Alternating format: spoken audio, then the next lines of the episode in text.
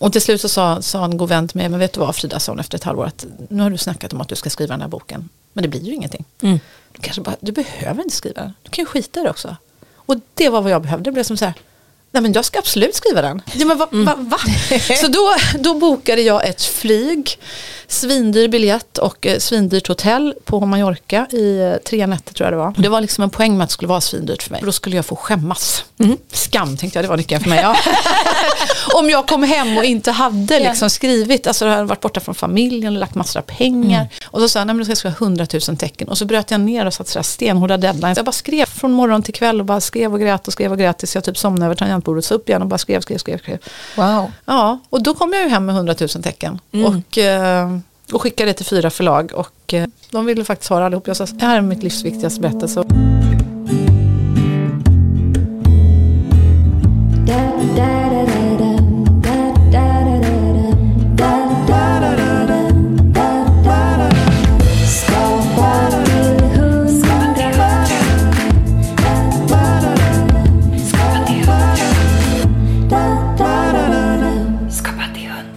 Idag träffar vi programledaren, författaren och multikreatören Frida Boysen.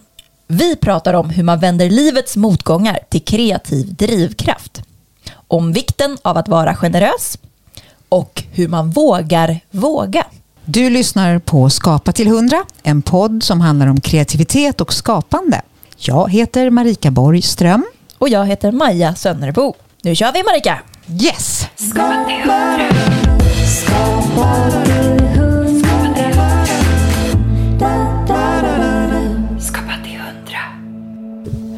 Vad härligt att du ville komma, att det kunde komma så snabbt också. Ja, men det var ju alldeles strålande. Ja. Why not? Ja, Bra timing med, Ja. med ny bok Ja. i antågande. Och, Precis.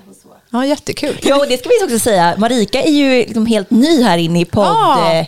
Poddgamet. Mm, Eh, ny, ny poddmedlem. Ja. Så det är din första intervju idag. Ja, och det blir du Men Frida. gud vad roligt. Ja, det, jag är så glad för det och det ska bli så fantastiskt att få prata med dig. Ja men gud vad jag ser fram emot det. Ja, Premiär nej, då? Jag har, nej, men jag har, eh, apropå det här med våga, våga och så, jag har eh, funderat över eh, podd i säkert två år. Och sen så fick jag möjlighet att eh, träffa Maja och vi har jobbat ihop och så berättade hon att hon sökte en ny poddkompis. Vad kul, grattis till er, ert nya kompisskap. Exakt. Djupat kompisskap Ja, nu. vad roligt. Så Ja, det var ju precis. väldigt intressant. Det var inte så jobbigt att göra research på dig kan jag säga. Nej, vad härligt, Ja. vad, vad skönt att höra. Verkligen, och jag, ja, jag har haft det i mina öron. Precis. Marika har gjort så här över-research. Jag har sagt du max fyra timmar. Men det är så intressant. Jag, nu måste, jag, måste jag titta lite mer. Ja, vad roligt. Vilket jobb du gör. Men tack snälla. Frida Boysen är programledare, krönikör, författare och digital expert. Hon har hyllats för sina uppriktiga uppväxtskildringar i böckerna Berätta aldrig det här och Du är inte längre min dotter. Hon är en av landets mest populära talare och programledare för Trolljägarna och Lyxfällan. Frida Boysen är dessutom digital expert och har släppt två böcker om hur du lyckas med sociala medier. Och i dagarna släpper hon ännu en bok, Våga våga om hur du får mod att skapa livet du drömmer om. Självklart vill vi prata om skapande och berättande med the one and only Frida Boysen. Välkommen! Tusen tack, så roligt att vara här. Med, med en lätt språngmarsch in i studion. Ja, varför inte? Det är, det är en bra start på dagen, en liten halvjogg sådär. Ja. Vi brukar göra en kreativ incheckning som Åh. också inledning på podden. När vi liksom vill ta lite temperaturen på ditt kreativa läge exakt just nu. Vad skulle du säga att det är på en skala 0 till 100? Ja, men det är ju bara att säga hundra alltså. Det är ju Jaså? så. Ja, Oj, ja, ja, ja, ja. ja nu, nu sprutar Wow. det vet du. Varför känns det så? Nej men det är så eh, himla mycket som eh, händer, massa roliga projekt som jag är mitt uppe i och det känns verkligen som att det är på max. Jag eh, tänkte på det på vägen hit att shit nu är det ditten och dutten och datten. Det är, ja.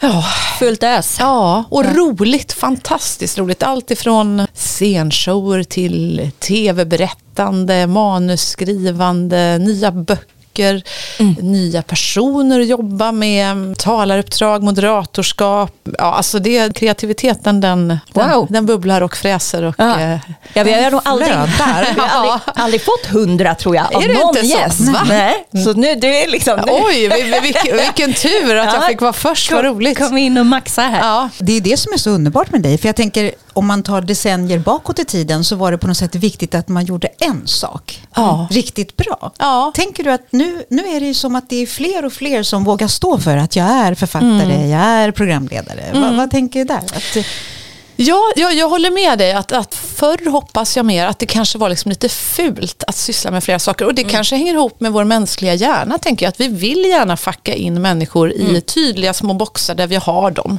Klart och tydligt. Och det kanske blir lite utmanande och skrämmande rent av. Om man liksom ska hålla på att vara både författare och hålla på och programledare. Och tro att man kan göra ditten och dutten. Liksom. Håll dig i, ditt lilla, i din lilla box som jag har lagt in dig i. Du ska minsann inte tro att du ska hoppa ur där och göra något annat inte. Precis. Eller? Men vad är du då?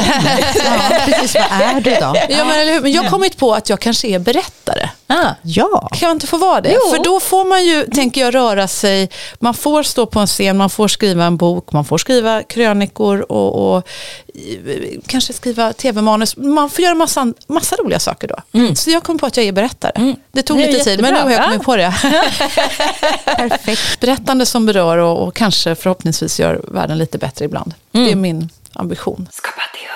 Du har ju precis när det här podden släpps släppt en bok i dagarna precis som heter Våga våga. Ja, tillsammans med min medförfattare ska jag säga Kristina Ja. Hagström Ilevska. Apropå ni som är vänner som har eh, varit in och ut och som nu, gör ännu mer tillsammans den här podden. Så eh, träffade vi varandra faktiskt första gången för ett par år sedan när pandemin precis hade slagit till. Och eh, ja, men vi hade touchat varandra också i sådana projekt och, och man, kände att ja, det här är en härlig person. Och sen så bara smällde ju pandemin och jag hade typ 100 jobb inbokade och stod på scenen dagarna ända och allt var avbokades på två dagar. Man liksom bara, åh, gud vad händer Ah, nu? Jag var så knäckt där ett par dagar. Eh, och så sa men herregud, det är ju nu alla behöver inspiration och sådär. Ska vi starta en podd? Och så gick vi till Globen och för hon hade någon, kände någon kompis där som jobbade där och de hade någon konferensrum där vi skulle spela in den där podden. För att bjuda på inspiration i svåra tider. Och så tittade jag, så liksom någon fönster i det där konferensrummet. Så sa jag, men vänta, så är det ledigt där nere? Så jag pekar liksom på stora Globen. Du vet. och, och hon eh, som var eh, operativ chef där på Globen, Elin, hon bara, ja, jo, allt är avbokat. Jag bara, Ja. men kan vi inte köra där? Hon bara, jo. Och jag sa bara, hmm, men skulle vi inte kunna köra en tv-sändning härifrån? Hon bara, jo, det. Och så körde vi liksom tio avsnitt i rad från då Globen, Tele2 och Friends Arena och, och, sam, och liksom Sveriges största digitala livesända event och vi fick dit alla liksom. Det var allt ifrån John Lundvik och, och Sveriges fan, mest fantastiska artister och till eh, digitaliseringsministern och Anders Ygeman var där och Sveriges bästa ledare. Men, och då körde ni det utan publik helt enkelt, men tv-sände det istället? Vi hade tv-sänd publik, precis. Så Ah. vi, vi fyllde ju Globen så att säga, Ah. fast digitalt. All right. Och så kunde vi samla ihop pengar till WHOs eh, covid-19-fond. Så att det var Ja, så. så och vi smällde ihop det där på tio dagar. Ah, Från idé till att vi körde. Shit. Ja. Så ibland går det att agera väldigt snabbt och det tycker jag att pandemin kanske lärde oss. Att ibland är vi vana att tänka så här, åh men det är så krångligt och åh, ska vi ställa om system, Ja, då får vi utbilda personal i två, tre år. Ja, men, eller så gör vi bara så här. Ja. Det går också. Ja. Mm. Nej, men, ja, verkligen. Ja, och det som var också fantastiskt, alltså när det händer så här, egentligen som var en då kris liksom, för många människor. Det positiva det var ju att folk blev tillgängliga. Alltså så att man kan ringa till folk och bara, hörru kan du komma imorgon? Ja visst, alltså alla, Jo, alla men var lediga. Liksom. absolut. Men, Ja, men- jag tänker bara Frida, när ni gjorde det här på tio dagar, eh, och det som, det var lys om dig också när du pratade om det, och jag tänker så här, då var det ju någonting som kändes rätt. Alltså ner i magen. Ja. Och det är ju det som är så häftigt det här med, apropå då Våga våga, hur boken eh, är en hjälp till självhjälp kan man ju säga i hur man ska liksom göra sin process. Att våga tro, tror du också på det där, vad är det som gör när du känner så här, ah, wow, det här, nej men nu, nu. Ja, vad, vad händer i dig? Ja, det är en viktig fråga ni som älskar kreativitet precis som jag. Nej, men det, är, det är väl det här som ni efterlyser. Alltså, det bara känns rätt i hela magen och alla celler, allting bara tänds. 100% mm. är som tusen glödlampor som bara tänds i kroppen. Det är väl att det stämmer överens med, med ens värderingar, ens passion i livet. Vad det är man brinner för, vad är det man vill göra. Mm. Och jag tror att när den där matchen eh, blir total, det är då man bara vill springa så snabbt för att göra mm. allt för att få komma lite närmare det där man mm. så gärna vill göra. Mm. Men, men jag tänker att det, det så kräver ju mycket mod att så följa den känslan. Har du alltid haft den? För det känns som att du bara, ja nu, nu kör vi. Eh. Ja, jo men jag försöker tänka efter här nu. Ja, men alltså jag, eh, jag har nog eh, ofta haft den där känslan att, men varför inte, vad är det värsta som kan hända? Och kanske lite mer än en del andra. Men mm. jag tänker någon gång måste jag ju såklart också ha varit rätt rädd och dragit mig. Och det, det händer ju givetvis, det händer väl fortfarande idag att jag ibland drar mig för att ringa ett samtal lite grann. Tänker, ska jag verkligen, kan jag verkligen fråga det där? Ska jag verkligen mm. dra iväg det där mejlet? Men, mm. men sen, eh, jag tycker just frasen, men vad är det värsta som kan hända då? Mm. Funkar mm. ganska bra för mig själv också om jag någon gång mm. tvekar och bara tänker, äh, och skitsamma. Det värsta som kan hända det är väl att hon eller han eller vem det nu är man mejlar eller ringer till eller vågar fråga då. Mm. Säger, bara skiter i det. Bara ja. tänker att jaha, nej men den där Frida Boys, ingenting att ha, henne struntar vi Perfekt, då vet jag det, kan jag gå vidare. Ja. Eller så kanske de tycker, ja men gud vad bra att du hörde av dig. Ja. ja men det var ju perfekt, och precis det jag, jag ville just nu. Ibland mm. är det ju så. Mm. Och då kan det ju hända magiska saker. Så mm. våga fråga. Skapa. Hur var parförfattarskapet då i den här boken? För de andra två då, ja, jag har ja. lyssnat och hört hur det har varit i din process med dina andra två ja. självbiografiska böcker. Det var ju som en annan resa till den här boken. Hur, hur var det? Ja, om, om du har lyssnat just på, på Berätta aldrig här och, och, du är inte längre min dotter så har ju de varit väldigt eh, plågsamma också faktiskt. Resor att, att eh, söka i mitt inre efter vad som hände när min mamma tog sitt liv och, och all, all skuld och skam jag kände i med det. Och, och sen den andra boken med resan med min pappa och, och, och ja, allt jag förträngt där om, om missbruk och våld och allt möjligt eh, hemskt eh, som man inte ska behöva uppleva som barn men som så många barn ju upplever i Sverige. Var mm. fjärde barn säger exempelvis att man blir misshandlad av en vuxen. Var fjärde. Mm. Det är ju miljoner vuxna människor sen också. Ja. Och jag, var sjunde tjej blir utsatt för sexuella övergrepp. Så jag menar, det är egentligen inte så himla ovanligt men det är ju sjukt smärtsamt att gå tillbaka och skriva de här grejerna. Så jag har ju suttit och gråtit och skrivit och gråtit och mm. skrivit. Eh, och jag tror jag kände sådär efter de här två böckerna att nej nu, nu vill jag få skratta igen också. Oh. Jag längtar efter det och jag längtar också att få, få skapa tillsammans. Eh, så det var så, så skönt att få göra det. Och det är så många som har hört av sig till mig under de här eh, böckerna. När man har läst och lyssnat på dem och, och, som, har, som har sagt det, men gud hur orkar du? kan du vara så himla glad och full av energi när du har gått igenom allt det där? Mm. Då tänkte jag, men det kanske går att, att förpacka det här, allt jag har lärt mig av de här skittuffa resorna och försöka hitta det som är vad jag kommit fram till hittills och, och gärna tillsammans med en annan underbart klok människa som kommer från ett annat håll för att kunna ge någonting till andra, så om det kan mm. hjälpa dem också. Ja, för Våga Våga, folk som inte har eh, läst den. Ja, just det är det. nog inte så många. Nej, den är ju helt ja. Eh, så fräsande färsk. Så. för det är någon slags att man får hjälp att både kartlägga sina värderingar mm. och eh, ja, men vad man vill göra egentligen i ja, livet. exakt.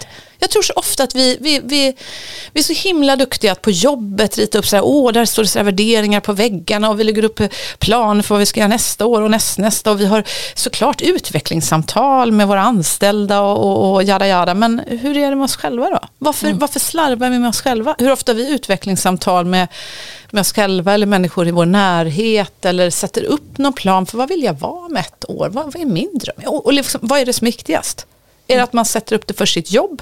Eller för sitt liv och sig själv. Mm. Så jag tror vi har en del att lära av arbetslivet faktiskt. För där har vi blivit mm. bara duktigare och duktigare på att tänka hållbart också. Hur ska vi hitta hållbara vägar att ha det roligt på jobbet och få det att funka tänka. Det tycker jag också vi har faktiskt blivit lite bättre på under pandemin. Mm. Att, att, att inte kanske sitta i, i vad folk nu har gjort i, i alldeles för länge känns som, men att sitta i timtal i, i bilköer och spruta ut en massa avgaser och stressa och knappt hinna hem till barn som står och är jättehungriga och så står man där och stressar med de där stress, stressmakaronerna höll jag på att säga, snabbmakaronerna, jag kanske ska döpa om dem. De kan stressmakaroner. Ja, stressmakaroner är faktiskt bra namn. Eh, så att jag menar, herregud, jag har ju stått där också med stressmakaronerna så att jag vet ju vad jag snackar om. Men eh, varför inte hitta andra vägar? Och nu gör vi ju det. Det är Ja. så coolt. Ja verkligen, alltså, ja, det har ju verkligen satt ens liv i perspektiv. Att man bara, men gud har jag sprungit runt sådär i, alltså, i år i ekorrhjulet liksom. Och så här, jag har alltid älskat att jobba och liksom att jag har älskat det där höga tempot. Men liksom när man bara var tvungen att backa bak och bara få syn på sig själv att så här, nej men det är ju inte, det är inte rimligt liksom. Ska jag hålla på det- så här tills jag är 90? Liksom? Alltså så här, det Ja. känns ju helt absurt. Liksom. Nej, så man har nog, jag och Marika jobbar ju på eh, ett företag som jobbar med personlig hållbarhet och Ah. ett hållbart arbetsliv. Kul. Så det har ju också varit, varit eh, mm, man får på sig bra glasögon. För, Ja, och sen, men det är ju inte så lätt att leva som man lär. Det är verkligen inte det. Jag tror det är så många som känner igen sig i det här att man, man fastnar i de här borden. Jag, jag, borde ju, jag, jag, jag borde säga upp mig eller jag, jag, borde, jag, borde söka det där jobbet. Eller jag, menar, varför, varför skiljer jag mig inte bara? Varför gör jag inte bara? Eller, du vet, att man, får- eller, eller ska, jag, ska vi satsa på vår relation? Varför, varför går vi inte till en, liksom, en terapeut? Eller, eller varför, varför, Gud, jag borde verkligen börja träna. Alltså, jag vet inte hur många gånger har vi hört det att man borde och så liksom fastnar allt i den här långsamhetens träsk. Att man liksom inte kommer någon vart. Varför tar vi inte bara tag i det? Det tycker vi är skyldiga oss själva det. hur tar du dig förbi de där jag borde? Ja, nej men ett bra sätt är ju förstås så det beror väl på vad man är i processen helt enkelt. Men, men eh, att, att tänka, men vad kan jag göra då rent konkret? Och för vissa eh, så kanske man inte riktigt har börjat kartlägga sig själv. Bör, men det, det kan vara en bra start att börja tänka efter, så här, men vad är det jag brinner för? Om man inte har funderat på den frågan så tycker jag att då är det dags. Vad brinner jag för? Vad är det på riktigt jag brinner för? Jag vet jag har stått och föreläst eh, ofta om förändring och så vidare för, för tusentals människor över hela Sverige. Och eh, jag kommer ihåg någon gång exempelvis när jag stod här mitt i stan och, och ställde den frågan. Det var ingen som räckte upp handen när jag frågade så här, vad, vad brinner ni för? Och det var ändå en väldigt så här, exekutiv församling med massor av vd och företagsledare. Ingen räckte upp handen. Och jag skulle berätta för dem om kommunikation. Och det var, jag bara, men ursäkta, så sa jag, men då får vi bryta så jag, för jag kan ju inte hjälpa er. Och liksom, jag kan inte hjälpa er att kommunicera och berätta för er hur ni ska nå ut sociala medier om ingen av er vet vad ni brinner för. för vad. Hur ska vi då kunna lyckas med vad ni ska kommunicera? Då får vi börja där, så jag. Ja. Då bryter vi här, så får ni berätta för, för er kompis som sitter bredvid er vad ni brinner för. Så kan vi fortsätta sen. Och det Vad hände så, då Ja, men det var så häftigt. För liksom först blev jag så här! Så blev det liksom tyst och så man och sen bara blir det så högt.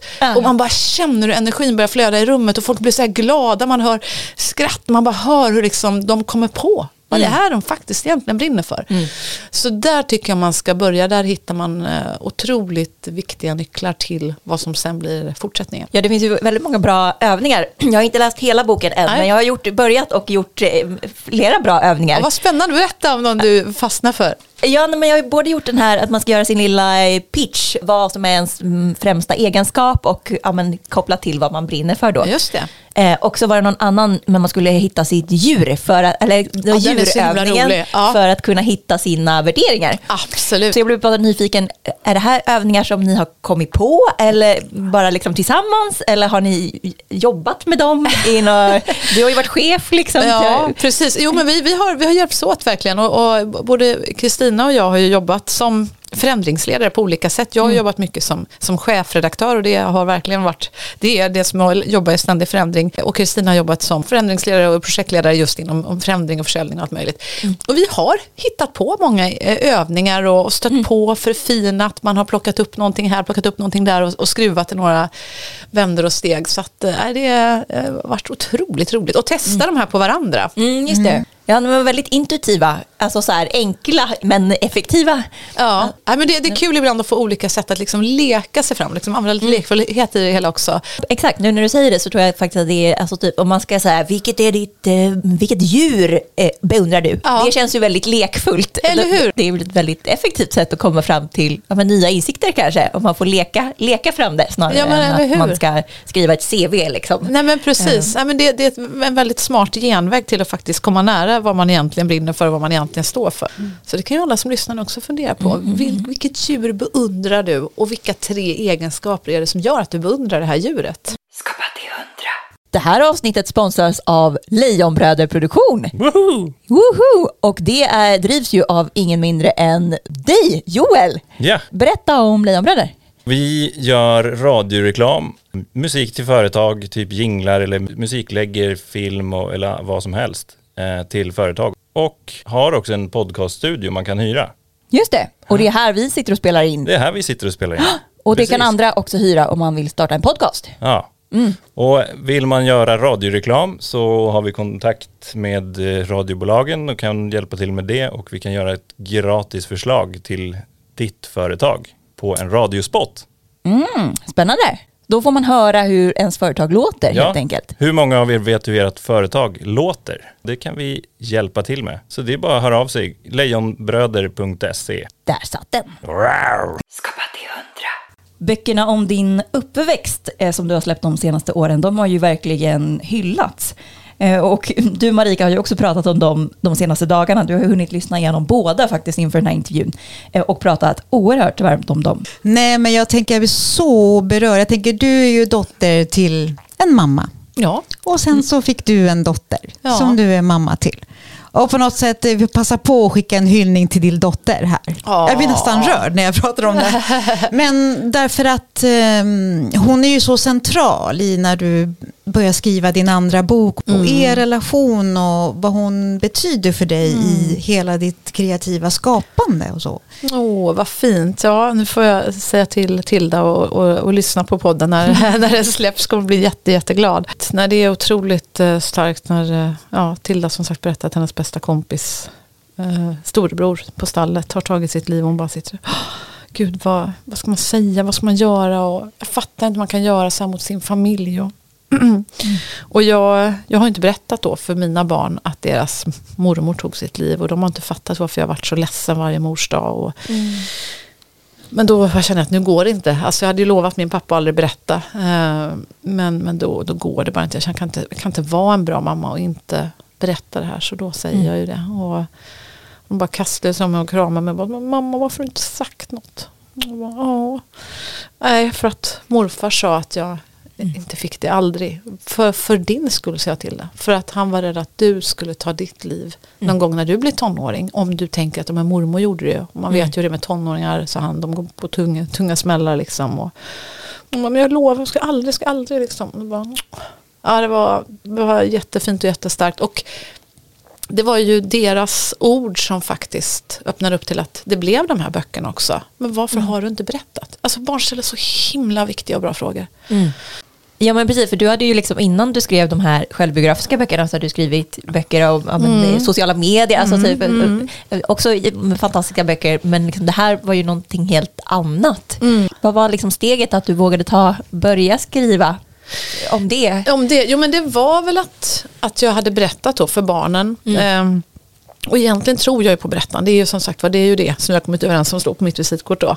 Berättande och, och berättelsen som förhoppningsvis ja, men förändrar världen och gör, alltså gör den lite bättre. Det låter ju jäkligt pretentiöst men alltså jag tänker man måste väl göra vad man kan för att berätta. Och jag tycker ju i berättandet att det, det är där det är där vi kommer vidare. Alltså det är det grunden till förändring. Att vi vågar prata om saker. Tystnad tror jag är bland det farligaste vi har. Alltså tystnad, skuld, skam. Att vi sitter själva och bara tänker, åh gud, gud, det är bara jag som är så dum i huvudet. Eller bara jag som har varit med om det här. Åh gud vad vidrigt. Åh vad jag har gjort fel. Eller vad det nu är vi får för oss. Men, men det är berättandet som gör skillnad. Och när jag väl hade berättat för barnen då tänkte jag, äh, men nu, nu måste jag faktiskt. Jag måste göra vad jag kan för att försöka berätta den här historien. För det är det enda jag kan göra. Mamma finns inte längre. Hon, hon är död. Hon kommer aldrig komma tillbaka. Hur mycket jag än ångrar att jag inte gjorde mer, att jag inte sa mer. Jag kommer inte få henne tillbaka. Men tänk om det är så, om jag berättar den här historien, att det kan hjälpa någon annan. Mm. Och jag försökte länge, jag så här, stack ner någon, jag tror jag skriver om det i Våga Våga, att liksom jag, jag stack ner någon tå här och där, försökte skriva den där boken och sån där lördag morgon gick upp svintidigt, så klockan på fem, sex liksom och försökte skriva i fred. Men det, det var så jobbigt att, att komma ner i det här mörkaste, mörkaste som jag inte hade vågat gå in i på 13 år. Så det gick liksom inte riktigt, det, det, det blev för hastigt, det blev för snabbt och och till slut så sa, sa en god vän till mig, Evelina, som, men vet du vad Frida, sa efter ett halvår, att nu har du snackat om att du ska skriva den här boken. Men det blir ju ingenting. Mm. Du, kanske bara, du behöver inte skriva den, du kan ju skita i det också. Och det var vad jag behövde, det blev som så här, nej men jag ska absolut skriva den. Ja, men va, va, va? Så då, då bokade jag ett flyg, svindyr biljett och eh, svindyrt hotell på Mallorca i eh, tre nätter tror jag det var.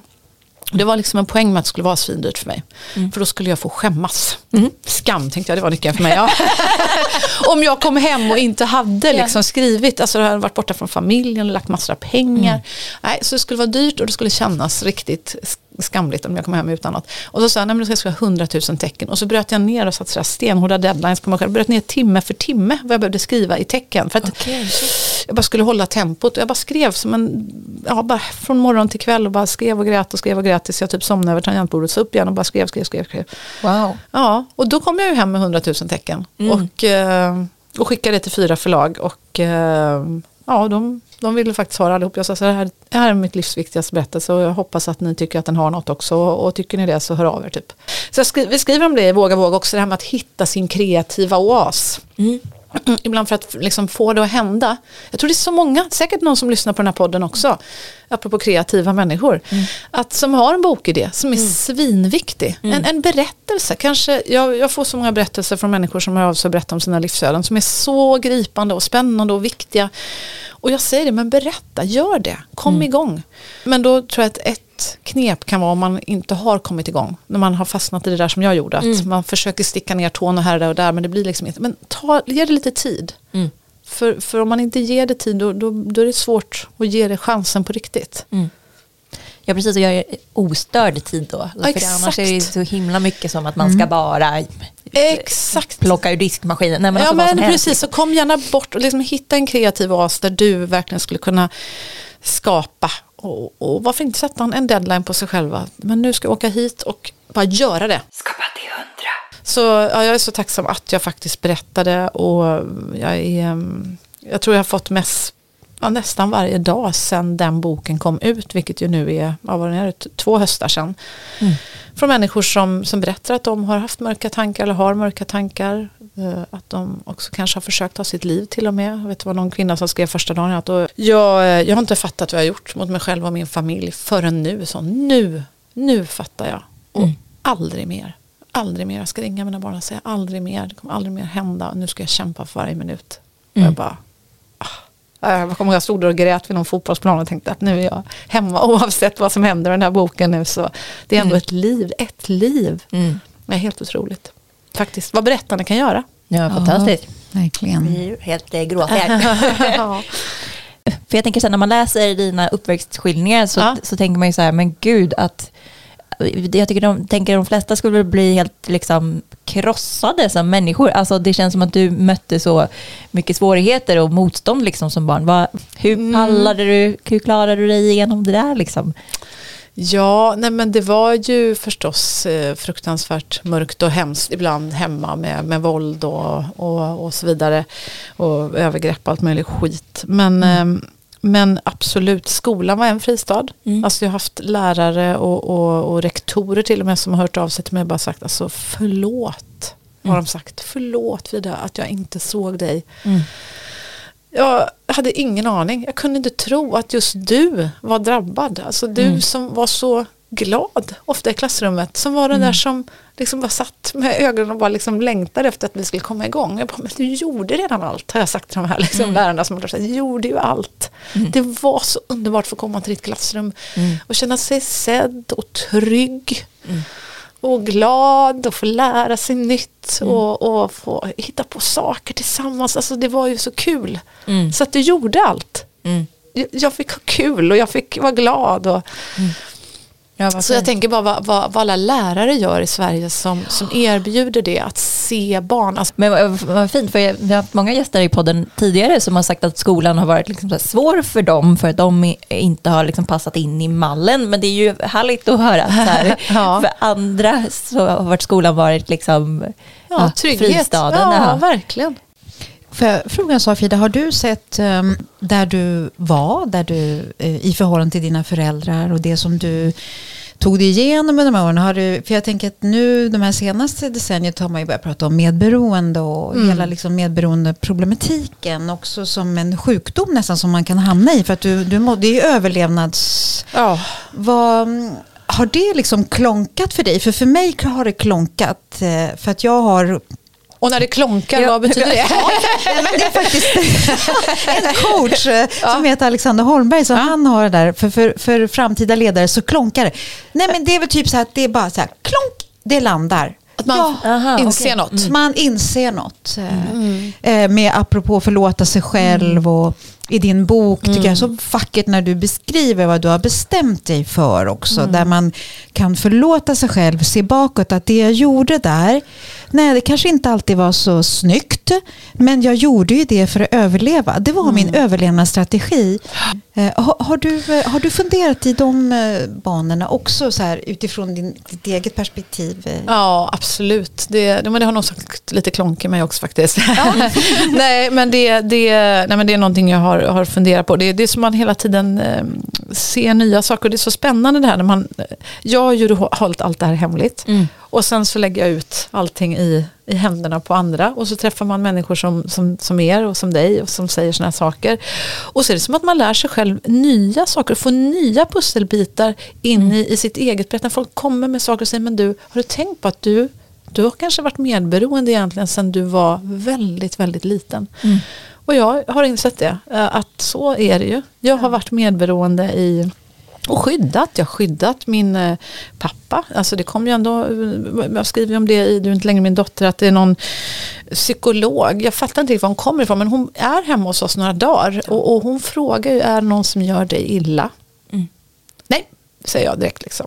För, för jag tänker, vad händer om jag säger ja? Det finns ju inte på kartan. Kom, tar de pappa då? Liksom, eller, så att eh, jag säger ju, skyddar ju och, och håller fasaden uppe.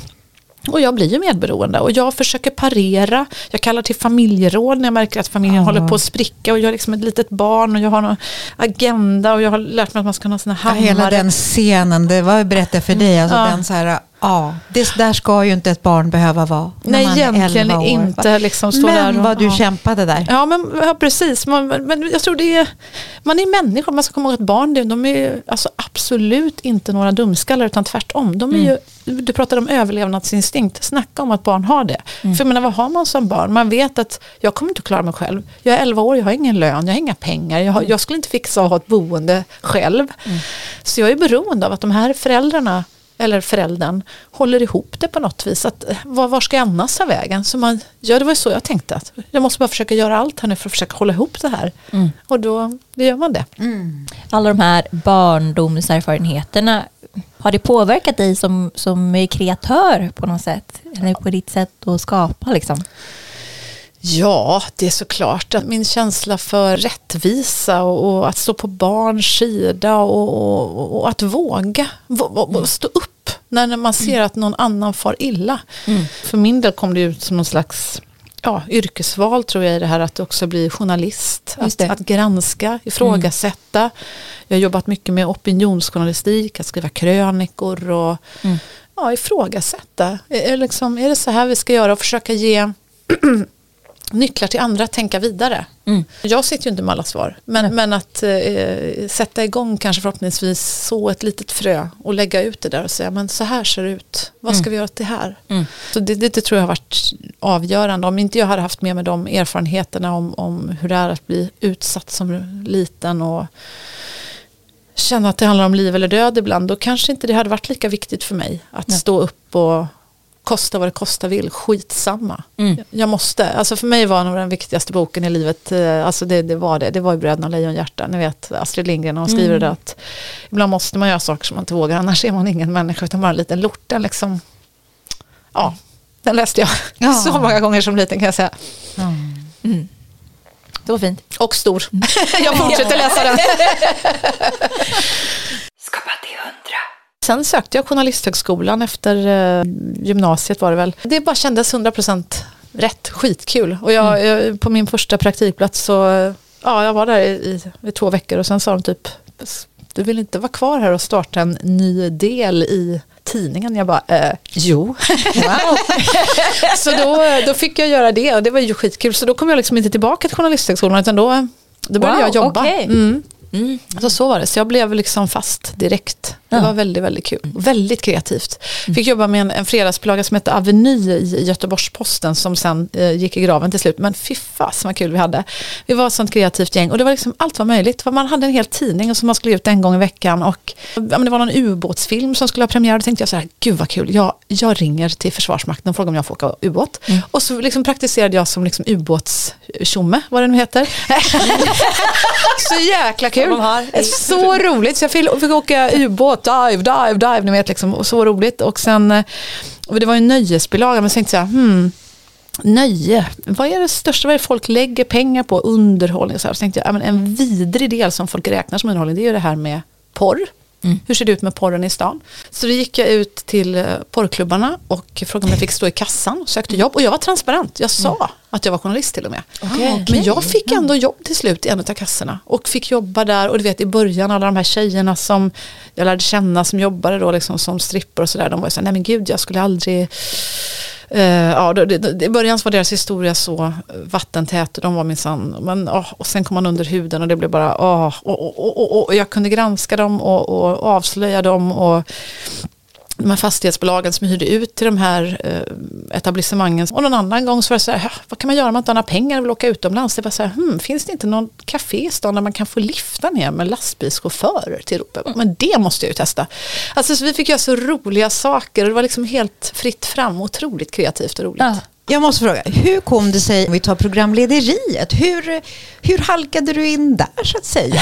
Ja du, jag har ju programlett på många olika sätt genom många olika år på, på scener och jag har allt vad det nu är. Men om man tänker Lyxfällan, ja, men då var det väl så att det var, eh, ja, men det var en castare som ringde mig och jag, just då var jag digital chef och vice vd på Bonnier eh, och eh, mm, ja, föreläste också ganska mycket. Och Eh, nej men så ringde de och sa, ja, du, vi, vi håller på och, och castar mm, till ett tv-program. Påminner lite om, om Lyxfällan, det är inte det. Men, men eh, Ja, så vi tänkte bara, kan du komma in eh, typ imorgon och, och bara läsa mot, ja, det är producenten är med sådär. Jag bara, "Ja, jo men det kan vi göra. Eh, hon bara, Ja men det är som en liten coachande roll kan man säga, men eh, jag tror det skulle vara bra. Ja, kommer dit och, och så på vägen dit i taxin så ringer hon och säger så här, du förresten, Alltså det är Lyxfällan. Men, men det är skithemligt så du får absolut inte säga någonting till någon. Jag bara, "Jaha, ja okej, så jag, men jag älskar Lyxfällan, jag tycker det är skitroligt. Mina ungar och jag brukar titta på det jämt. Liksom. Ja, så kom dit och så fick jag då eh, någon papper i handen och, och fick liksom läsa och låtsas att någon skulle vara eh, en person som behövde hjälp. Då. Och producenten hon blev bara helt till, som bara så här, typ skrek, bara så här, ah, det här är helt sjukt, vi har, vi har testat hundratals personer, men alltså, det här är så jäkla bra, jag måste ner kanalen nu. Bara, ah, vad gör du på måndag? Jag bara, ja, nej, jag vet inte. Och så, så, kom jag dit, och så ringde hon igen och sa, ah, nej, men de är också jättetända här, ja, de har sett på materialet, och, "Ah, kan du komma in på måndag och träffa Magnus Hedberg? Och, och jag tänkte, ja, vi har setts någon gång och vi spelade in någon annan grej någon gång, och jag bara, oh, men kan göra? Och så kom jag dit och bara, "Ah, kan du börja imorgon? Och så var det bara att åka ut rätt ut på en inspelning liksom. Så att det var startsträckan. Ja. Men vad, slutar du då på ditt andra jobb bara hux flux eller du, kan du köra lite parallellt? Ja, det, det var ju det också. Nej, men jag, Det tar 24 timmar. ja, jag vet, det är det lilla utmaningen. Nej, men jag, jag pratade med min eh, vd, då, min, min närmaste chef, och eh, och sa att "Ja, men gud, det här känns så himla kul, så jag, jag vill faktiskt väldigt gärna göra det. Så att, eh, ja, hur gör vi här, så jag. Och, och jag, om jag minns rätt, jag minns knappt alla steg här nu, men jag tror vi gjorde så att jag gick ner i arbetstid. Och då ha- hade jag redan gått ner i arbetstid, för jag jobbade inte redan, jag hade ju lite andra projekt också så att säga. Och sen gick jag ner ännu mer och sen kände jag, nej men nu går det inte. Alltså Nej. man kan inte eh, jobba som chef och, och högt uppsatt chef för ett stort företag. Och det, det, det är svårt att, att gå ner för mycket procent för, och samtidigt kunna göra ett jobb, bra jobb och vara, vara närvarande arbetsledare och sådär. Så att, eh, ja, då, då slutade jag där till slut.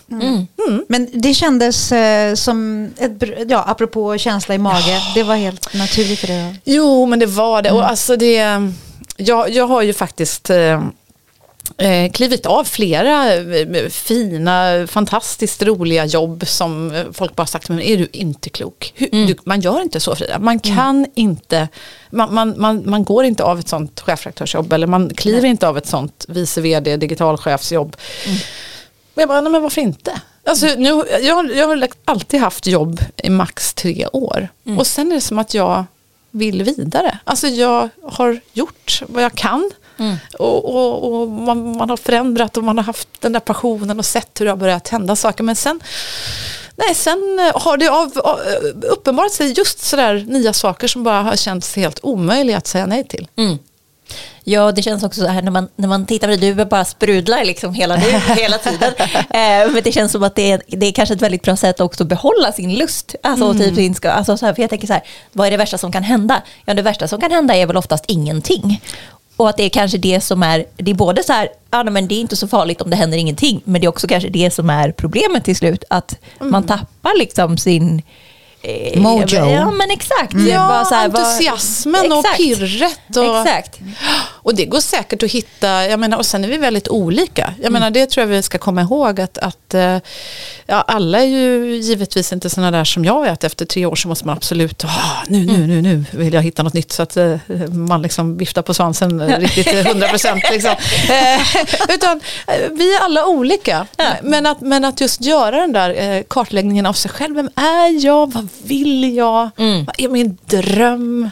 Och det måste ju inte bara handla om jobb. Alltså det kanske inte är så att jobbet är det viktigaste i livet. Det kanske är så att drömmen är någon helt annanstans och att det är det viktiga och jobbet med, vad vet jag, I don't know. Men, men eh, börja och verkligen, om man kollar i Våga Våga, det finns förstås andra böcker som också är jättebra. Ja, Men, låter jag som jag jobbar på SVT.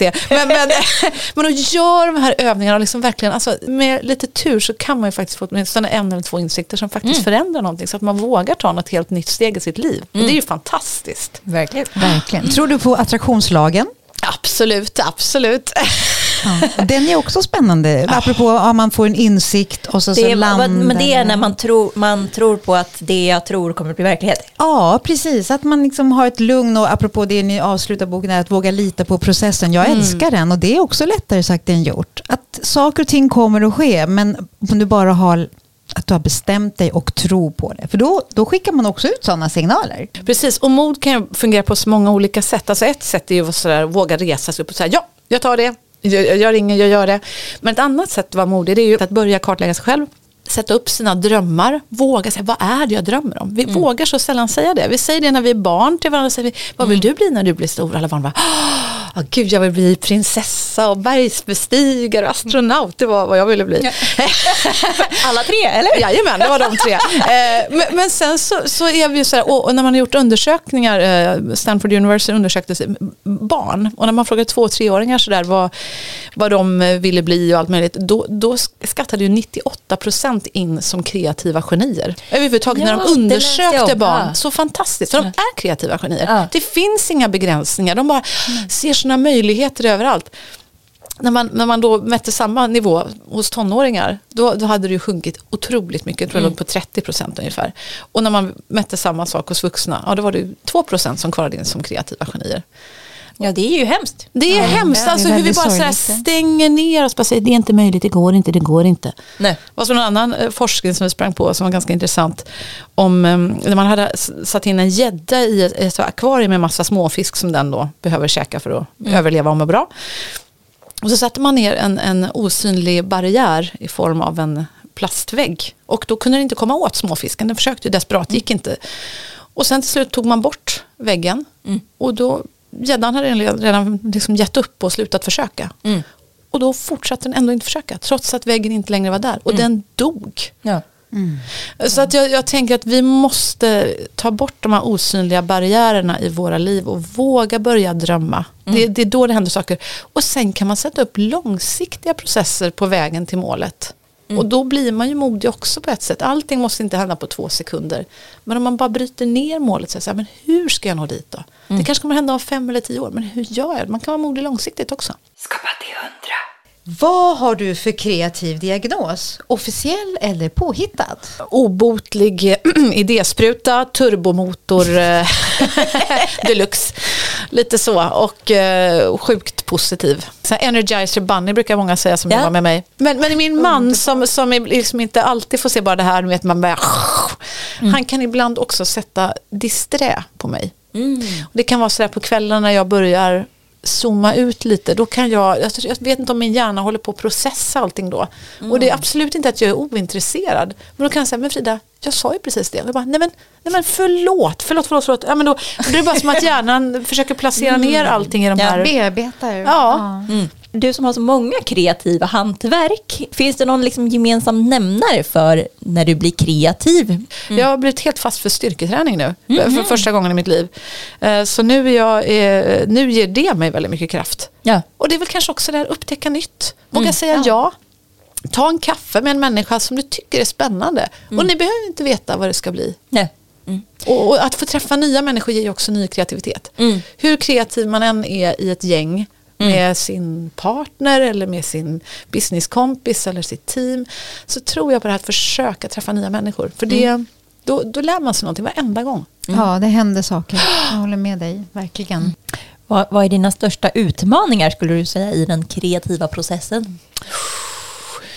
Åh, ja vad är det? Jo men det är väl kanske att jag är nog, min styrka är nog det här att komma på grejer. Att liksom så här, brainstorma och då sprakar det och så kommer man på massa roliga grejer. Och så här. Men sen är nog det i, eh, det är kanske också en del av den kreativa processen med att också hinna utföra allt. Jag behöver, ehm, just nu känner jag ännu fler personer att jobba med. Ja. För att jag, det är svårt. Det är verkligen så som du säger, tio projekt. Ja, ja, lätt. Alltid. Rullande parallellt. Din kreativa hjärna går för fort för ditt eget bästa. Ja men kanske, kanske lite så. så att, och säga nej. Alltså det är ju också så lite antikreativt på ett sätt, eller hur? Att säga nej, det känns ju inte så kreativt. Men ibland det- måste man våga säga det för att få vara mer kreativ på de projekt man gör. Så, så för mig är nog det mer utmaningen. Säga nej, låter kul men inte nu. Eller säga ja, det låter intressant, jag ska fundera på det. Alltså, Allt sånt där är utmaningar för mig. Jag vill bara säga ja! Ja.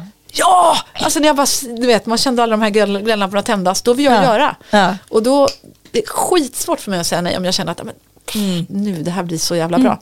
Hur fyller du på, eller när du så att säga av att du har gjort en grej så ger det massa energi till ännu mer kreativitet som ger energi till ännu mer kreativitet? Eller hur, vad, vad, vad, hur uppstår kreativiteten i dig? Ja, men alltså ibland kan det nog vara, kanske, det kan vara nog säkert vara lite ångest ibland också.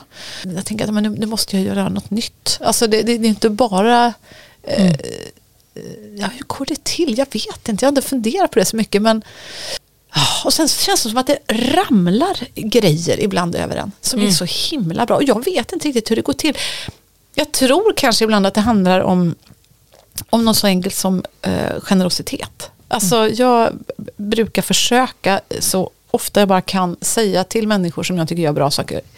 Alltså det är bara lite något snabbt, man bara säger men shit vilken cool grej. Ah, men gud har hon gjort det nu, gud vad roligt. Och så skriver man så här, men gud vad kul, fast jag älskade den eh, grejen du gjorde eller vad det nu. Så himla kul, grattis liksom. Och sen rätt vad det är så, eh, men så kommer det något mest tillbaka, bara du, eh, kommer tänka på dig nu, ska inte vi ses och prata om det här? Och man bara, ja, gud vad roligt. Så, att, så att ibland tror jag att det börjar med att man kanske ger, utan att man ens tänker att det ska leda till något annat. Ingen baktanke, Nej, utan du säger ja. Ja, att man bara... Eh, eh, ibland så, så fastnar vi i något snåleri. Jag fattar inte vad det är. Det är som att vi tror att vi... mm, Men du vet att man sitter och scrollar i mobilen. så- mm, Att man är så speciell. Ja, nu, nu, men nu tror hon att hon ska få en like på det. och så liksom scrollar man upp och så känner man sig så himla nöjd med att man liksom inte gett en like. Och känner man, alltså, det, även jag har ju gjort det någon gång, det är ju inte klokt. Och liksom då, då brukar jag alltid säga, men Frida, skärp dig. Alltså, gud, vad håller du på med? Och så bara, tar man ett djupt andetag, scrollar ner, trycker på like-knappen och så skriver man för hjärtat, men gud vad glad jag är för dig. Ja. Vad roligt, grattis, vad, vad himla kul, verkligen. Och liksom, det måste ju vara äkta, annars är det ju, får man inte göra det såklart. Men om man liksom tänker efter lite så det är klart att man ska hylla den som har gjort något riktigt, riktigt coolt som man, man tycker om. Och det, jag tror att det kanske är det som ibland öppnar dörrar. Om jag försöker liksom hitta, hitta det. Vad, Mm, vad det var otroligt bra lifehack. Och jag vet att du skriver om det. Jag har, din första bok, Digital Ja, succé. just det. Hade, jag jobbade med sociala medier back in Ja, the day, typ ja. när den var ny. Ja. Eh, och så då, den har jag verkligen haft liksom, vad och kul. jobbat med och inspirerats av och sådär. Och jag minns att du skriver det Ja, om just, just det. det. här att vara generös i, också i sociala medier. Men Ja. obviously funkar det jättebra in real life också. Precis. Men just att det inte kostar något. Det att, kostar att, att bjuda på att vara generös och liksom säga fan vad kul, vad, gud vad bra det här var. Alltså så. Sen tror jag det här ibland, varför vi inte är mer generösa kan man ju fråga sig. För det kostar ju ingenting som sagt om man bara ens säger om det handlar om en genuin eh, komplimang, jag menar, det kostar ingenting mer än vad då?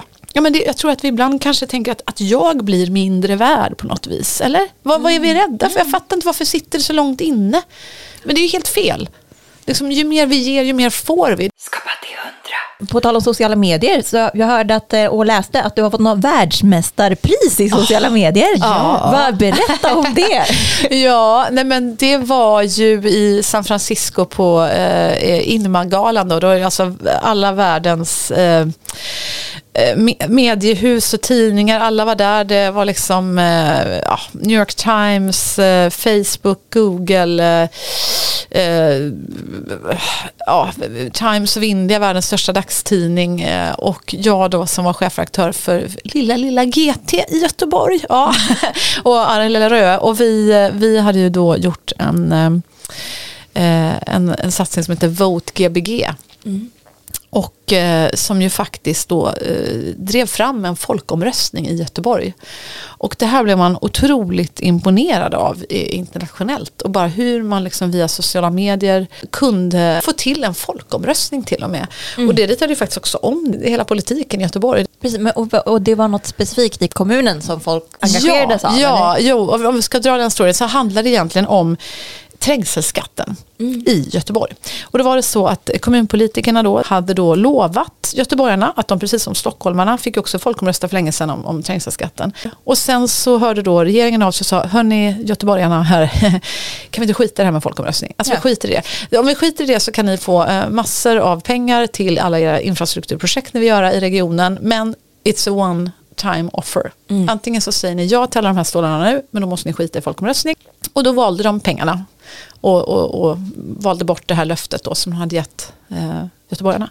Alltså vi blev helt nerringda till redaktionen när, när det här hände och alla bara så här, sa ju samma sak också till mig som chefredaktör. Men det är ju inte klokt, alltså, det finns ingenting man kan göra. Det är ens ett lagligt om vi gick till val på det här. Det finns ingenting man kan göra. Och jag bara, mm, finns det det? Och så har en kollega jag hade som hette Marcus Hankins eh, som jobbade som nyhetschef. Och han sa också, men Frida det här med förstärkta folkinitiativ. Jag bara, "Ja, men det är ju en skitbra idé. Så jag, "Ja, men vi kanske ska starta ett folkinitiativ. Det här är ju liksom vad alla ringer om nu. Och Det här är en möjlighet som finns. Och det var inte så många som kände till den lagen, den var helt ny. Lagen om det förstärkta folkinitiativet. Som krävde att minst 10% av de folkbokförda i kommunen ja, egentligen bara behöver kräva att vi vill ha en folkomröstning och det ska ha någonting med kommunen att göra. Det får inte handla om rymduppskjutningar eller så vidare utan liksom något som har med kommunen att göra.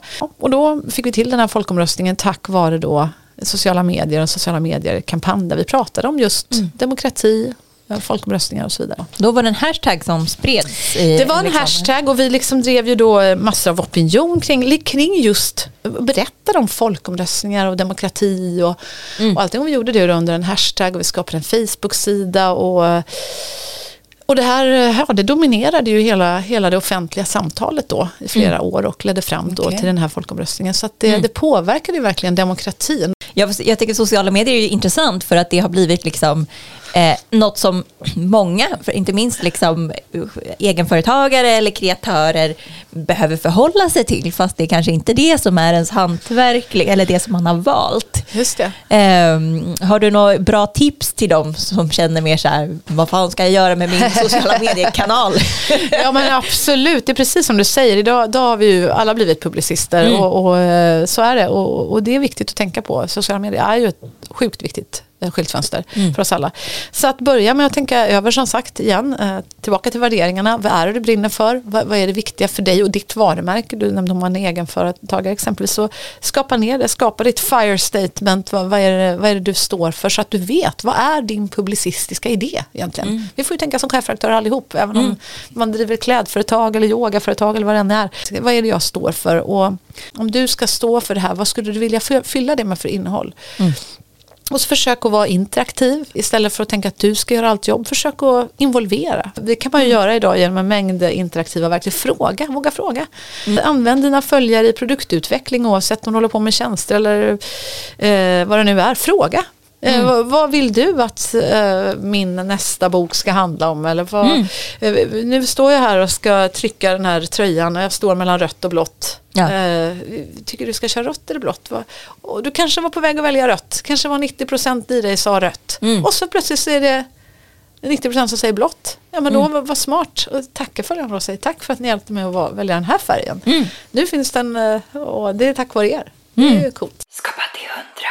Och jag tror också andra delar av just det kreativa konstnärskapet. Egentligen i framtiden så tror jag allt mer att konstnärer kanske är det vi kommer att ha högre upp i, i företagsledningar och så vidare. Just för att jag tror det, jag menar vi kommer att se allt mer AI-lösningar, automatiseringar, robotiseringar av allt sånt som kan ro- robotiseras och Ja. så vidare.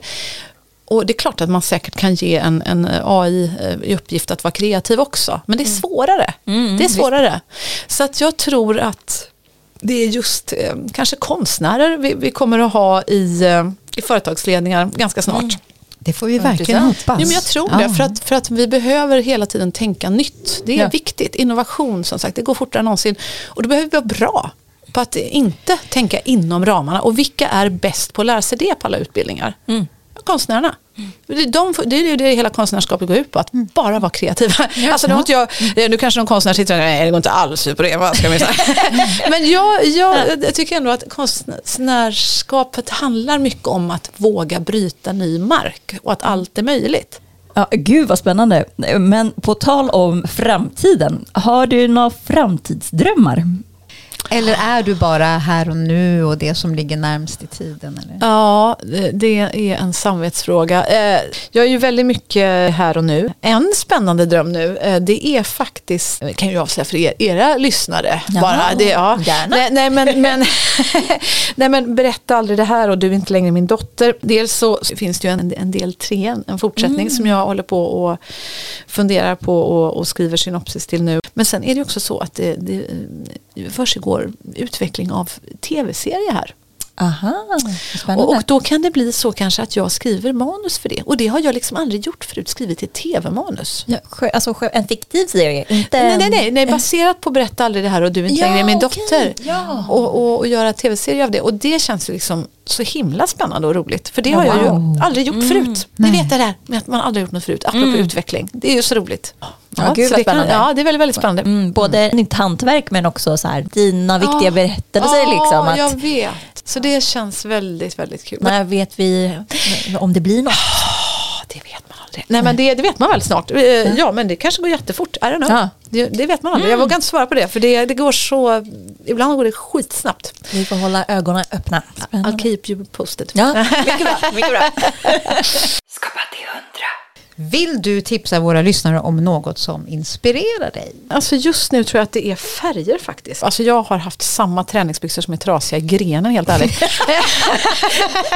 I typ två år nu känns det som och ingen har sett det på mina sådana där Zoom-möten. De har varit ganska bekväma och sköna och sådär. Och då känner jag, nej nu måste jag ha färg. Så nu vill jag bara spraka färg. Ja. Det är bara så. så. Så det inspirerar mig. Jag känner sådär i morse och nu har jag haft på mig den här gula tröjan typ i tre dagar. Och den är så knallgul så att man liksom nästan eh, hajar tillbaka när man kommer ser Ja, sig själv i helt spegeln. ljuvligt. Det inspirerar mig, jag känner verkligen det. Om man vill närma sig ditt hantverk, att bli en berättare då? Var ska man börja? Med det man brinner för mest tror jag. Och, och utgå från ditt uttryckssätt. Alltså om man nu vill bli en berättare, eller är, alla är vi berättare på något sätt, men vill utveckla sitt berättande. Tänk vad, vad är det du, du älskar att göra mest? Vad känns, vad känns mest i hjärtat? Är det att fotografera? Är det att skriva? Är det att eh, skapa videos? Men det finns många olika sätt att berätta som berör och tänk efter vad, vad skulle du vilja prova mer och utveckla mer? Och så, så gör du det. Bör- Bara börja, testa. Vad vad är det värsta som kan hända? Ingenting. Prova det fram. Och eh, våga sök, söka upp andra som du tycker är bra på det, som du vill bli bättre på. Och fråga. Fråga, om, kan, kan du ta en fika eller bara ge dem positiv feedback så kanske de ser dig och vill ge något tillbaka, man vet aldrig. Jag tycker det är roligt att det, det är inte bara våga våga utan också våga fråga. Ja, absolut, våga fråga, det, finns, ja, det är det bästa man kan göra. Och till sist, vilket är ditt bästa tips för att bli kreativ? Jag tror att alla är kreativa egentligen. Vi har det där kreativa geniet i oss, glöm inte det. Du har det där kreativa geniet i dig. Det är bara att släppa fram henne, honom, hen igen. Hur gör man det då? Ta bort de där skygglapparna som du har framför ögonen som du tror begränsar dig om vad man får göra, vad man inte får göra. Inte ska väl jag? Nej, men, vem tror jag? Bränn upp alla jantekoftor för en, en gång för alla och bara kör. Alltså, kör bara kör. Vad är det värsta som kan hända? Ingenting. Tuta och kör bara. Tack snälla för att du ville komma hit Frida. Tusen tack för att jag fick komma hit. Jätte, jätteroligt och härligt att ni sprider kreativitet. Det behövs. Skapa till hundra. Wow. Ja, vilken så här, energispridare. Verkligen, vad sa hon? Energi, eh, batteri, kanin, inte vet jag. Duralex-kanin. Dur- Duracell-kanin, det var det jag. Duracell, inte, inte Duralex. Jag Ja. blir väldigt smittad av hennes energi. På varje fråga så bara eftertänks- eftertänksamhet och så kommer svar. Verkligen tänk. Inte bara att hon svarar per automatik. Nej men verkligen, väldigt genuin upplever jag också henne. Alltså att det Exakt. är inte någon fasad glättigt liksom, utan att hon är verkligen på riktigt. Så det kändes väldigt som ett väldigt fint samtal. Hur kändes det för dig då? På din första intervju? Ja, jo, men så här, lite nervös i början och, så Ja. oj, vad, och det här att eh, man vill vara precis närvarande i samtalet och, och samtidigt så har vi ju våra frågor som vi har förberett. Mm. Och man ser ju, det är ju så himla häftigt för det är ju bara energi och en, en levande, Mm. någonting som, så att ibland bara, nej men nu är jag lite tyst och så nu, nu får Maja ehm, ställa alla frågor så att vi verkligen håller oss till, till vårt tema som vi har med podden. Det var jätteroligt. Och, Ja men visst är det eh, kreativt? Ja, Alltså- det är väldigt kreativt. Ja. Eh, Nej, men det är ju så att man, man kan ju göra massa research och förbereda jättemycket men sen har man en person här som man vi har ju ingen aning om vad de kommer svara när man Nej. ställer sin första fråga. Så det är ju alltid ja, men, element av improvisation och liksom att ja, men, förhålla sig både till att så här, vara i flödet och lita på processen här eh, men också förhålla sig till programmens liksom, röda tråd. Ja, nej, men exakt. Du kommer säkert märka att man blir lite trött i huvudet också. Verkligen. Ja, nej, men det är ju som en sån här, ja, man känner att vi har haft ett jättefokus. Mm. Vad tar du med dig då från idag? Vad, vad tänker du? Jag tänker att det låter så himla lätt när hon säger det. Och det är ju väldigt inspirerande. För det är ju bara att göra det. Typ. Alltså i, Och i whoops, så har vi två böcker. I teorin, ja men exakt. Nej, men jag blev väldigt inspirerad att kasta ut lite nya krogar. Alltså man säger så här, ja nej, men vi borde ta en kaffe. Alltså man kanske faktiskt ska putta igång de där kaffena. Eller hur? Att Eh. man inte bara pratar. Nej. Ska vi, eh, ska vi ses någon gång? Ska vi ta en middag någon gång? Och sen så blir det aldrig av. Nej. Nej, boka. Ja, nej men också och liksom det här med att hon sa att nya människor också öppnar upp för nya, alltså så här, och man, jag känner mig att man är lite utsvulten på det efter hela pandemilivet. Så nu är det kanske dags att börja vara lite proaktiv mer ute i världen, putta igång lite nya bollar, både för skapandet och för livslusten överlag. Liksom. Verkligen. Vad tar du med dig? Nej, men jag har ju faktiskt haft eh, jag har så två boktitlar i mitt huvud. En barnbok. Oj, är det sant? Ja, och sen så en, eh, man kan väl säga lite mer eh, självbiografisk bok. Ehm, och eh, så då tänkte jag så här, och vi har ju börjat på manuset med barnboken, så det finns där. Men, men jag tänkte, äh, men vad fan, nu Ja. kanske jag ska ta och hitta det där kreativa utrymmet som hon pratade om och faktiskt bara sätta mig och skriva. Ja, gud vad spännande. Ja, och sen vad det blir, det spelar väl ingen roll. Nej. Men det är ju någonting där, tänker jag, att tänk om, om någonting kommer tillbaks till en hela tiden och pockar. Ja. Vad, vad betyder det? Att fasiken, jag släpper aldrig den där idén. Men varför? Vi skulle kunna haft en liten serie på åtta utgivna bokar. Nej, vad säger jag? Som vi sa, nu är vi lite trötta. Ja. Åtta bokar, ja nej, men absolut. Ja, så att, Eh. att faktiskt bli väldigt inspirerad av att Mm. eh, eh, prioritera sig själv ehm, och lyssna på sig själv. Eh, Det där är ett ständigt jobb eh, Mm. hela tiden. Ja, men, och jag gillar det här med, du vet, hon sa när hon åkte iväg till Gran Canaria, man kanske inte behöver åka till Gran Canaria just, men att, alltså, att avsätta tid. Jag har, har, jag har faktiskt gjort så här, haft typ konferens med mig själv, alltså så här framtidskonferens. Det har jag faktiskt gjort på vad riktigt. Ja. Eh, men, då då? nej, men alltså så här, avsatt en dag. Nu har jag, gör jag min stora livsplanering här och alltså typ att man faktiskt ägnar sig åt det på en avsatt tid. Och ja, det är ju väldigt härligt. Det är kanske ännu bättre att åka någonstans. Det jag blev väldigt sugen på. Man får ta en sån här staycation. Man behöver inte Ja. hålla på och flyga till någon annan land. Man kan ju Nej. bara En dag på någon, Exakt. eller efter 24 timmar. Exakt, Ja. och faktiskt ta sig, avsätta tiden för att, för att göra den här boken eller vad man nu liksom, det här som ligger och som smyger tillbaka och så här, men du den här, den här Ja. idén, Ja, mm, väldigt inspirerande. Mm, kanske ska boka in något direkt här nu. ja faktiskt. När man, när man, man ska fånga den här energin.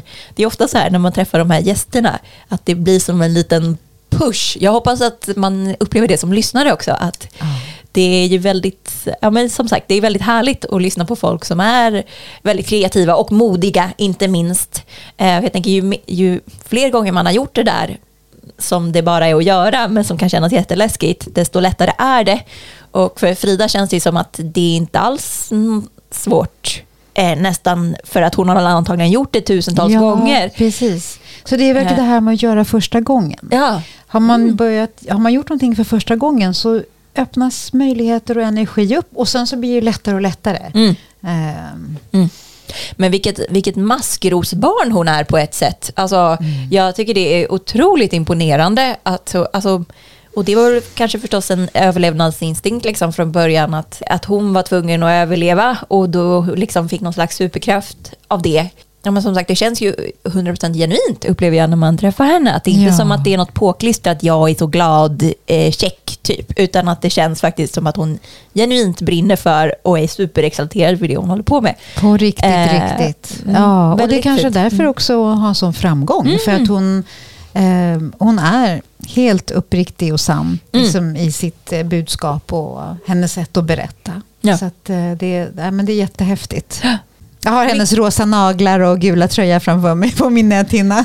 Vi är svarta kan jag meddela här, både Exakt. jag och eh, Maja. Helt svarta dagen till ära. Ja. Jag brukar inte vara så här svart, men nu är Nej, du brukar inte vara så topp svart till tå. Eh, Men det är så, man ska inte överglänsa gästen, det är oartigt. Så det, Exakt. det är så när jag har varit, jag har varit, jobbat som konferencier på Sveriges Radio i som Berwaldhallen eh, och, då, och där tycker jag det är så konstigt för att där är att jag som presentatör eh, jag menar, är uppklädd men liksom nedtonad, alltså så svart, inte något pråligt. Det eh, tycker jag verkligen är en sak, för jag är ju ändå där som en del, jag är ingen artist, men däremot är hela orkestern helt svartklädd, alltså typ som, vi, alltså typ som att de ser ut som serveringspersonal. Nej men alltså så här att de har typ helt anonyma kläder på sig. Vilket är ju svinkonstigt, de är väl fan artisterna där. Alltså Ja, det är de verkligen. som Men har du presenterat eh, föreställningar då? Eller konserter? Ja, konserter, alltså, och- ja, precis. Klassiska Jaha. konserter, orkester, mycket Sveriges Radio Symfoniorkester och Radiokören är ju liksom deras inhouse-artister. Och, ja, och sen är det också... Jag sökte till radiokören en gång. Är det Och sant? kom in, men de hade alldeles för många sopraner som vanligt. Va? Ja. Är det sant? Vad hette han? Wow! Erik Eriksson va? Hette han inte så? Eh, Va? När han var? Ja. Wow! Ja. Du, du är ju en toppklassångerska alltså här nu. får vi- vad? Ska Ja. nu är det lite trötta muskgrej. Men, men hur, hur landade du där? Eh, nej men jag, jag har ju också bakgrund i kör. Jag har ju sjungit i kör hela mitt liv. Jag men, blev satt som fyraåring i kyrkokören och sen har jag gått musikklasser och musikgymnasium eh, och men, kör som inriktning. Och sen sjöng jag i Sofia vokalensemble i många år, eh, som ja, mellan 20 och 30 typ. Eh, och eh, det är ju en av Stockholms bästa körer så Sveriges Radio var ofta och spelade in oss. Och där började jag presentera. Eh, som, alltså, det har varit min väg med många grejer som jag har jobbat med. Att jag har börjat med någonting ideellt för att säga, ja ah, men det här är kul. Eh, jo, jag, gick, eh, jag pluggade praktisk retorik när jag gick på universitetet. Och, och då parallellt så började jag presentera på kör, eh, mm, vad heter det, konserterna. För att så här, det, var, ja, men det blev ett kul tillfälle att få praktisera det. Och då kom den förbi någon från Sveriges Radio och sa att hörru, dig ska jag pitcha in. Det var kul. Ehm, Så det gjorde jag några år som eh, frilans, eh, ja, frilanspresentatör helt enkelt. Eh, så det var väldigt roligt. Fantastiskt. Mm. Härlig miljö. Ja, nej men verkligen. Nej, men och roligt format. Alltså, jag gillar ju, alltså, jag har ju skrivit mycket i mitt liv, men jag har liksom mer och mer dragits till det här liveformatet, alltså podd, eh, men också så här konsertpresentationer, föreläsa, alltså typ att det är ju någonting eh, extra som händer i live-momentet. Men eh, du sjunger ingenting mer? Eller? Eh, nej men nu så tänkte jag att jag, jo jag har prövat, eh, jag längtar tillbaka till kör, så jag gjorde lite försök för två år sedan till Saltsjöbadens kyrkokör. Och så körde vi Bach juloratorium. Ja. och jag kom alltid sist in på rep och för min yngsta son var inte så gammal då och sådär. Så att det var lite stressigt. Så, att, så pausade jag det. Men, men nu tänker jag ehm, jag har en väninna som eh, har en kör också som sjunger som populärlåtar kan man säga. Eh, Så här. Och då tänkte jag att eh, nu ska jag börja med henne igen till hösten. För att det som händer med mig när jag sjunger, det, är alltså, det räcker med uppsjungningen så bara ah, håret ställer sig i nacken. Ja. Och jag har varit så långt borta från det så länge så att eh, men ändå varit så stor del av mitt liv, i min första del av mitt liv. Mm. Så att det där ska bli en sån här riktig egogrej. Mm. Mm, och bara njuta av stämmor. Ja, det är ju fantastiskt. Det är som, äh, ja, det och du då, som, sjunger du? Nej, ingenting. Nej, det har också för, tyvärr varit en sån sak som jag har känt att jag behövt välja bort för att ja, men ge, ja, ge utrymme till andra saker i livet som har behövt växa på något sätt. Eh, men ja, men så här, det finns ju alltid men, men jag kanske allra mest sugen på att skapa mer musik själv. Och eh, även om så här, kör kommer alltid vara en av mina älsklingsgrejer, men eh, jag kommer inte börja en kör nu nu för att jag hinner inte. Jag, jag, det är andra kreativa projekt som måste få plats. Ja, häftigt. Mm, så vi får se. Vi får se vad det blir. Jag, ska fan, jag tror mig fan nu idag, Ja. nu, nu lovar jag dig här Ja, Marika, ja. att idag ska jag boka in så här eh, sessions. Både en, ett eh, framtidskonvent som jag brukar ha, det vill säga lite mer så här, vad är min plan för närmsta halvåret och varför det och vad vill jag och hej och hå. Mm. Eh, och sen ska jag också ha, eh, boka in en, en sån här eh, mer kreativ session. Nu måste jag, ska jag, jag har inte valt vilk, exakt vilket pr- projekt jag ska satsa på. Nej. Men eh, mm, det ska jag göra. Bra. Får du Och jag- följa upp? så här? Ja, då ska vi följa upp det här. Det gör vi. Och jag tänker att jag ska också eh, göra de här övningarna i Fridas bok. Ja. Eh, alltså, vi kan ju göra den resan tillsammans Ja. och, och se vad som händer med oss och eh, ja, supporta varandra. Exakt. Ja, ja, ja. Du gör den här med djuren så får jag berätta Ja. om mina djur. Det ja. var jätteroligt. Ja, men det kan vi göra till nästa gång. Det blir jättebra. Ja. Mm. Vad var det Frida sa? Ut Vad och det? gör det bara. Ja, vad är det värsta som kan hända? Vad är det värsta som kan hända? Våga, våga. Våga, våga. Tills vi ses nästa gång. Skapa